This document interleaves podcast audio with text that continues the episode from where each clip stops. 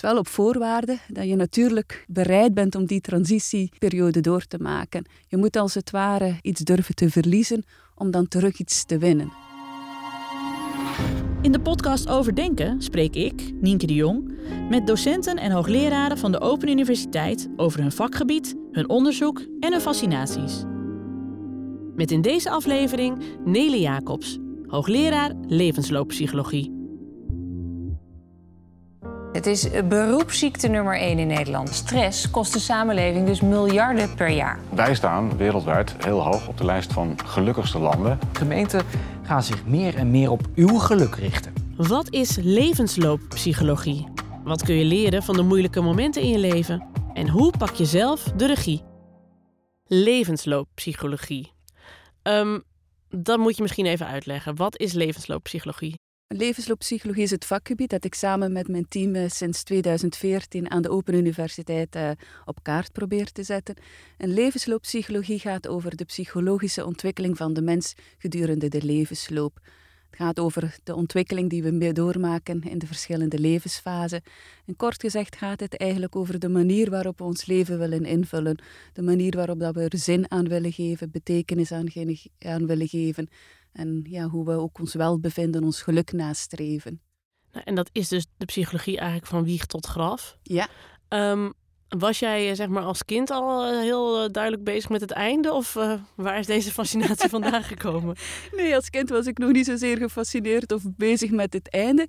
Altijd wel uh, ja, belangstelling gehad voor de mens en voor de drijfveren van de mens. Dus die affiniteit voor psychologie die zat er wel al van kinds af al in.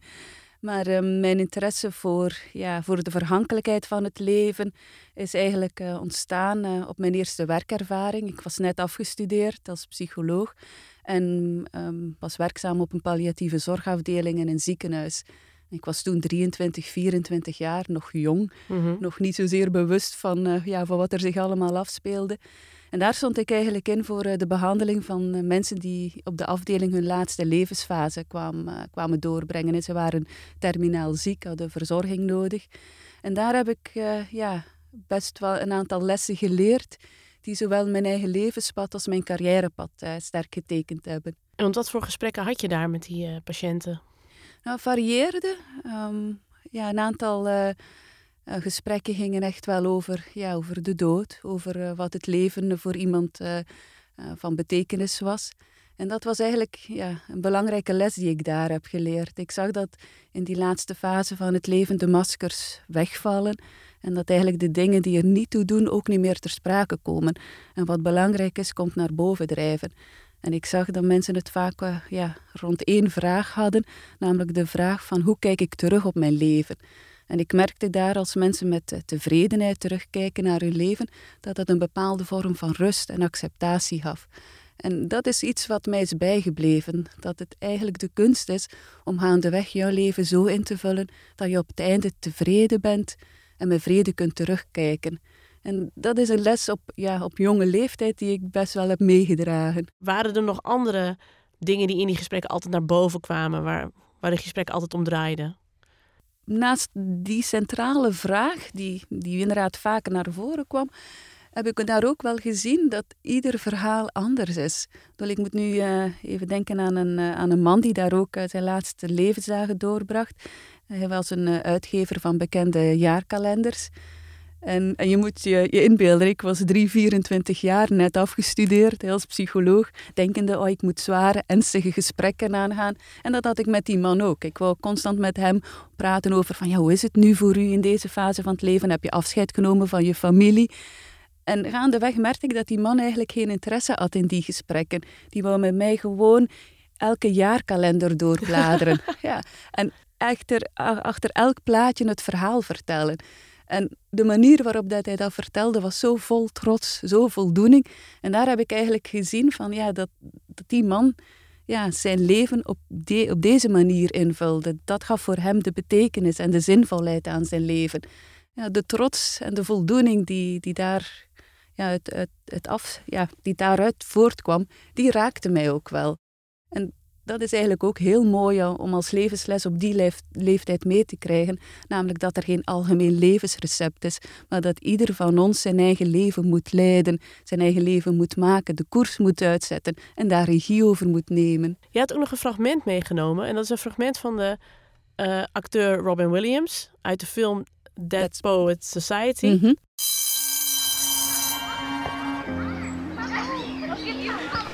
Gather ye rosebuds while ye may, old time is still a flying. And this same flower that smiles today, tomorrow will be dying. Gather ye rosebuds while ye may. The Latin term for that sentiment is carpe diem. Now, who knows what that means? Carpe diem. that's seize the day. Seize the day. Gather ye rosebuds while ye may. Why does the writer use these lines?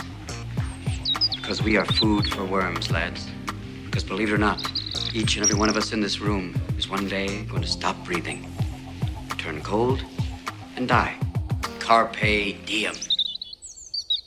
De boodschap die hij mee heeft aan zijn leerlingen, namelijk dat de dag geplukt mag worden. Weet, het leven is, ja, komt ook met verantwoordelijkheden, met keuzes maken. Maar daarnaast mogen we ook niet vergeten te genieten. En ja, en te genieten van wat zich op een dag voordoet. Als, ik nou, als we nou weer inderdaad dat, dat, dat hele stuk tussen wieg en graf weer uh, meepakken, dan onderscheiden jullie in de psychologie verschillende levensfases. hè? Mhm. Vanuit de levenslooppsychologie zien we eigenlijk het leven als een aaneenschakeling van periodes van stabiliteit, maar ook van, ja, van verandering. Wij zijn ook voortdurend in beweging, onder andere omdat we met die steeds veranderende wereld mee, uh, mee moeten omgaan. En die periodes van, van, eh, van verandering, ja, die horen ook echt bij het leven. Het zijn periodes waarin dat, ja, dingen niet meer zo zeker zijn, waar bepaalde gewoontes uitgedaagd worden. En we weten uit kwalitatief onderzoek dat ja, dat, dat vrij vaak voorkomt. Gemiddeld om de 1 à 2 jaar gebeurt er zoiets wat, ja, wat ons leven opschudt. Zo vaak?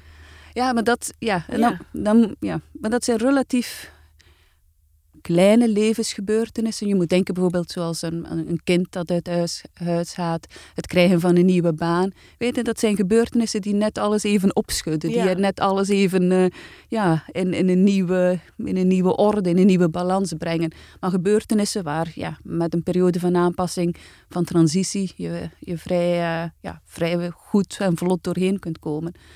En dan, uh, ja, datzelfde kwalitatief onderzoek blijkt ook dat je een paar keer in je leven, zo vier à vijf keer in je leven, echt wel wat fundamenteler meemaakt. Uh, dat is echt een, een levensgebeurtenis uh, die, ja, die echt je op de grondvesten doet daveren, bij wijze van spreken.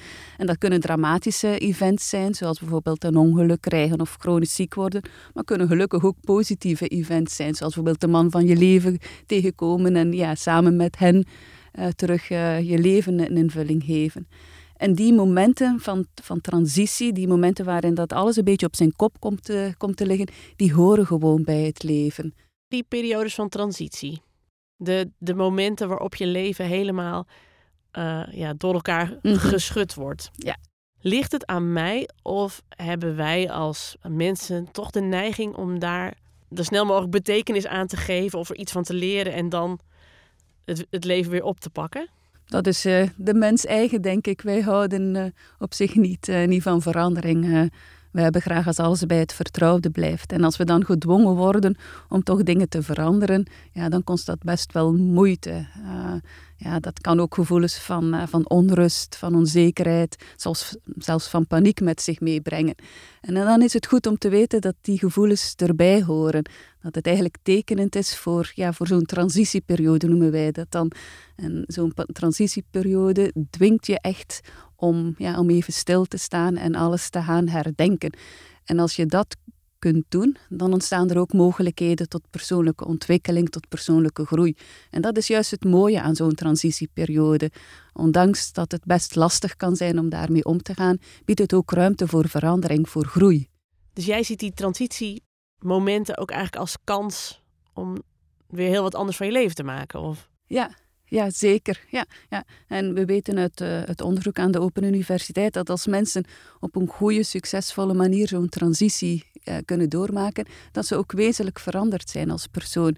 Uh, ze, in die transitiemomenten hebben ze ja, geleerd om, uh, om te gaan met de uitdagingen van het leven. Ze hebben daarbij ontdekt dat ze eigen krachten en talenten hebben om die uitdagingen aan te gaan.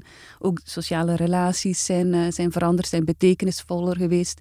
En het mooiste dat je leert uit zo'n transitieperiode is ook dat je de capaciteiten hebt om daarmee om te gaan. En dat maakt je sterker voor de toekomst. En we zeggen altijd, what doesn't kill you makes you stronger. En dat geldt heel mooi voor zo'n transitieperiode. Als je weet dat je dat aan kunt, nou ja, dan ben je gewapend voor de toekomst. Het is wel op voorwaarde dat je hm. natuurlijk ja, bereid bent om die transitieperiode door te maken. Je moet als het ware ja, iets durven te verliezen om dan terug iets te winnen. Maar heel veel van het leven is dus eigenlijk ook gewoon nou, stilstand, rust. Ja, rust en genieten. Seize the day is genieten van, ja, van wat er is en daar, daar plezier en voldoening uit halen. Dat is ook een wezenlijk onderdeel van het leven en draagt echt ook goed bij aan ons welbevinden. Ben je goed in omgaan met veranderingen? Ja, ja, ja. ja. Maar komt dat door je studie of was je van jongs af aan al iemand die daar wel mee om kon gaan? Van kinds af aan was ik al iemand die uh, ja, vrij snel was en ja, van veranderingen hield. En ook wel op zoek gaat naar veranderingen. Komt dat dan, is dat dan dus een, een karakterologisch iets dat jij eh, die veranderingen aanpakt en denkt, oh lekker, ik ga er een transitie in, zeg maar. Mhm. Ja, voor een deel zit dat inderdaad uh, ja, in je aanleg. Voor een deel leer je dat ook. Die psychologische flexibiliteit uh, kan ook versterkt worden. Uh, zelf hebben we bij de vakgroep Levenslooppsychologie een uh, online uh, cursus ontwikkeld, van klacht naar veerkracht. En dat is eigenlijk een cursus waarin we samen met mensen gaan kijken van ja, hoe kun je nu psychologisch flexibeler worden? Hoe kun je nu ja, wat soepelder, wat makkelijker meebewegen met al die veranderingen? We gaan even een aantal ja, oefeningen met elkaar doornemen, waardoor je misschien wat beter zicht krijgt op je eigen ja, levenspad. Een opdracht die in de psychologie gebruikt wordt, is bijvoorbeeld die van de bladeren in de rivier. De opdracht is als volgt: visualiseer dat je bij een rivier zit. In die rivier drijven bladeren. Neem nou de gedachten die in je opkomen. Zijn die negatief? Kun je daar niks mee? Beeld je dan in dat je die gedachten opschrijft op een van die bladeren. En zie hoe die bladeren, met je gedachten erop, wegdrijven. De oefening gaat erom dat je leert dat je niet samenvalt met je gedachten. Gedachten zijn slechts dingen in je hoofd. Niet iets waar je per se iets mee moet.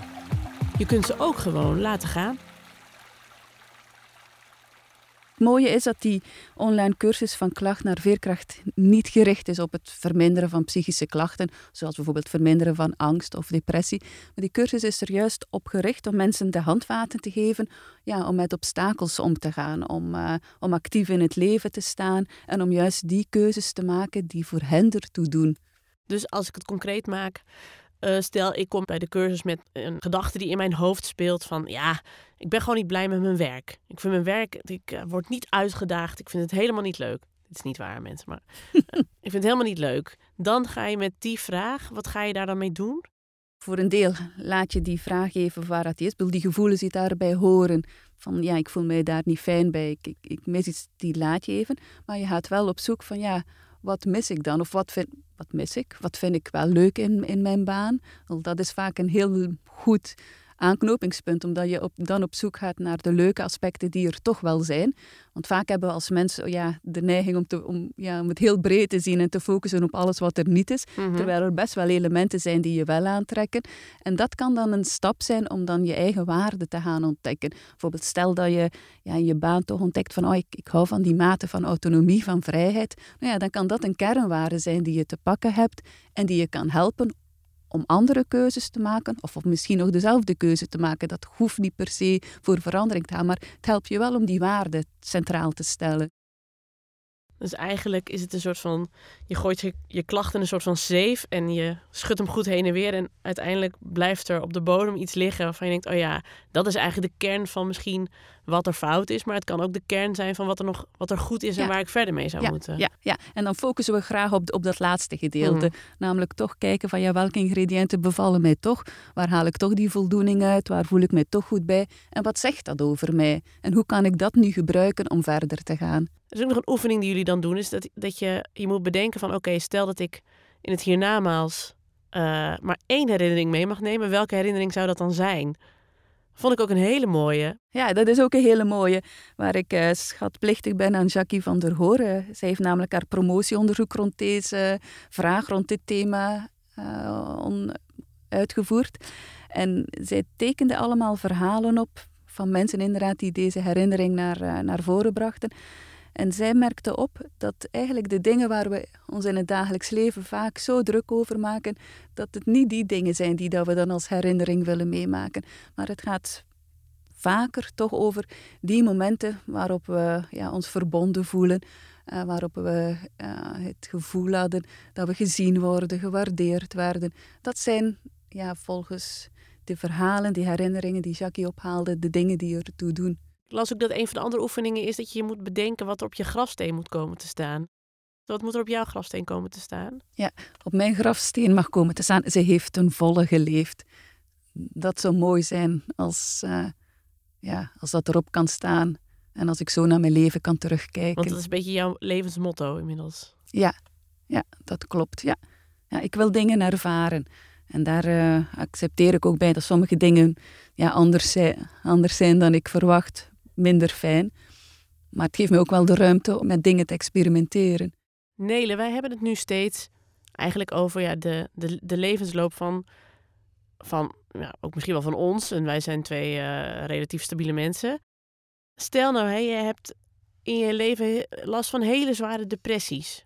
Hoe stippel je dan je levenspad uit? Hoe reflecteer je dan op je leven? Mm -hmm. Ja, ja, daar haal je een heel terecht uh, punt aan. Want een heel groot deel van de maatschappij, van mensen, ja, hebben uh, te kampen met, uh, met psychische stoornissen. Waardoor dat functioneren in het dagelijks leven minder evident is dan dat dat voor u en voor mij is. Het is van belang om, ja, om dat te erkennen en daar aandacht voor te hebben. Maar voor hen, denk ik, is het, ja, is het goed om te weten dat ja, mentale gezondheid je gezond voelen meer is dan enkel te kijken naar, naar wat er niet kan, dan enkel te kijken naar die psychische klachten. Daarnaast is er ook de ruimte ja, voor welbevinden, voor, voor toch dingen te kunnen doen. En mentale gezondheid om, omvat eigenlijk die twee kanten. Dus enerzijds kijken van, ja, naar de mate van psychische klachten, maar ook kijken naar de mate van, ja, van welbevinden, van, uh, ja, van optimaal kunnen functioneren. En eigenlijk het is die brede kijk die iemands mentale gezondheid kan typeren. Er wordt gezocht naar een nieuwe omschrijving van het begrip gezondheid. Voorheen werd gezondheid omschreven als a state of complete physical, mental and social well-being. Maar ja, wanneer ben je dat? Is dat wel een haalbaar doel? Er zijn toch ook genoeg mensen die niet misschien al deze hokjes afvinken, maar zich wel gezond voelen. Het ziektebeeld van nu is ook heel anders dan vroeger. Een eeuw geleden had men vooral last van infectieziekten. Nu zijn ziekten ook vaak chronisch van aard. En met een chronische ziekte ga je deze definitie van gezond dus nooit bereiken. Vandaar dat het idee is om de definitie van gezondheid te veranderen in health as the ability to adapt and to self-manage. Zo'n nieuwe definitie is nodig omdat die woorden richting geven aan het uit te voeren beleid en aan de manier waarop we de zorg inrichten. De nieuwe definitie helpt ook om te focussen op het positieve Naast je ziekte kun je je nog altijd gezond voelen.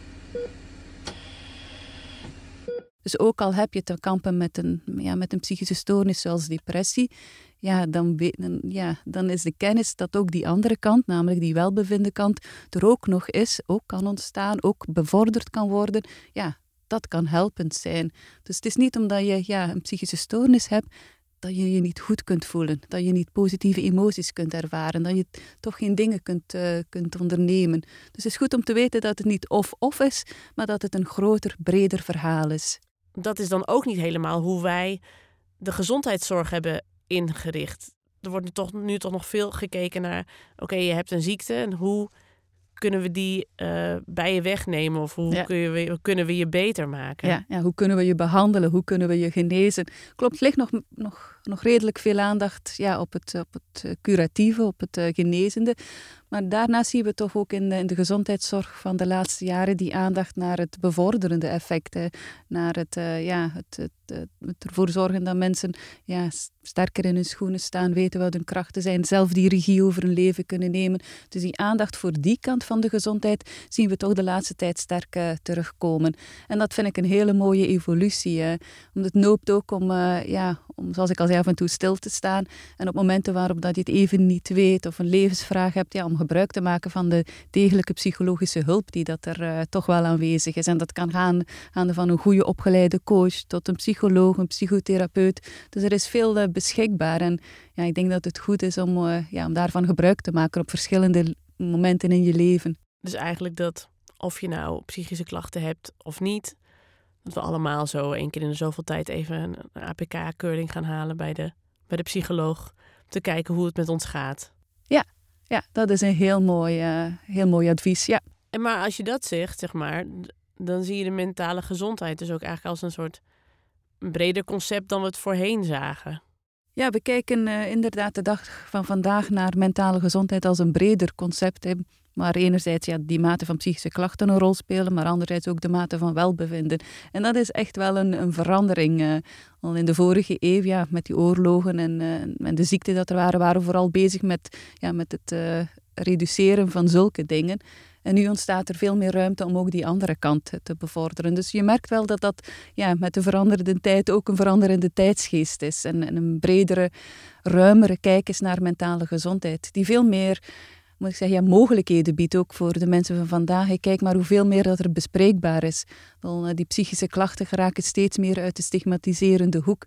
Nou, er kan open over gepraat worden. Kijk maar naar prinses Amalia, die er een referentie naar maakte. Al de popsterren die, uh, die er vooruit komen, die, die vertellen dat het altijd niet uh, zo mooi is. Dat, ja, dat zijn goede tekenen. En, ja, en dat geeft ook aan dat ieder van ons ja, wel met zulke dingen geconfronteerd kan worden. Dat daar niks mis mee is.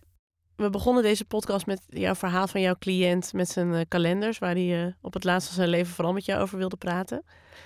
Um, stel, jij, uh, jij bent in de laatste fase van je leven beland en er zit een, jonge psycholoog van 23 zit naast jou. Waar denk je dan dat je het op dat moment over wil hebben? Met haar of met hem? Het is een, uh, een hele goede vraag die aanzet uh, tot reflectie. Tot ook het ja, kort en krachtig definiëren wat dan voor mij het leven bijzonder maakt of de moeite waard maakt. En ja, ik denk dat als ik dan kan vertellen wat ik allemaal gedaan heb en hoe dat, dat van betekenis geweest voor andere mensen, dan denk ik dat ik met trots en voldoening kan, uh, mijn levensverhaal kan vertellen. Ik denk voor betekenis zijn voor andere mensen, dat dat ook wel een van mijn kernwaarden is. Het gaat niet om wat je zelf hebt bereikt, het gaat erom wat je bereikt hebt voor anderen. Dus daarom dat ik psychologie ben gaan studeren omdat het toch wel iets wil betekenen, iets doen voor iemand anders. Ja. Dankjewel voor dit gesprek, Nele. Graag gedaan, Nienke. Dit was Overdenken. Hopelijk heb je er iets van opgestoken. Bedankt voor het luisteren en graag tot de volgende.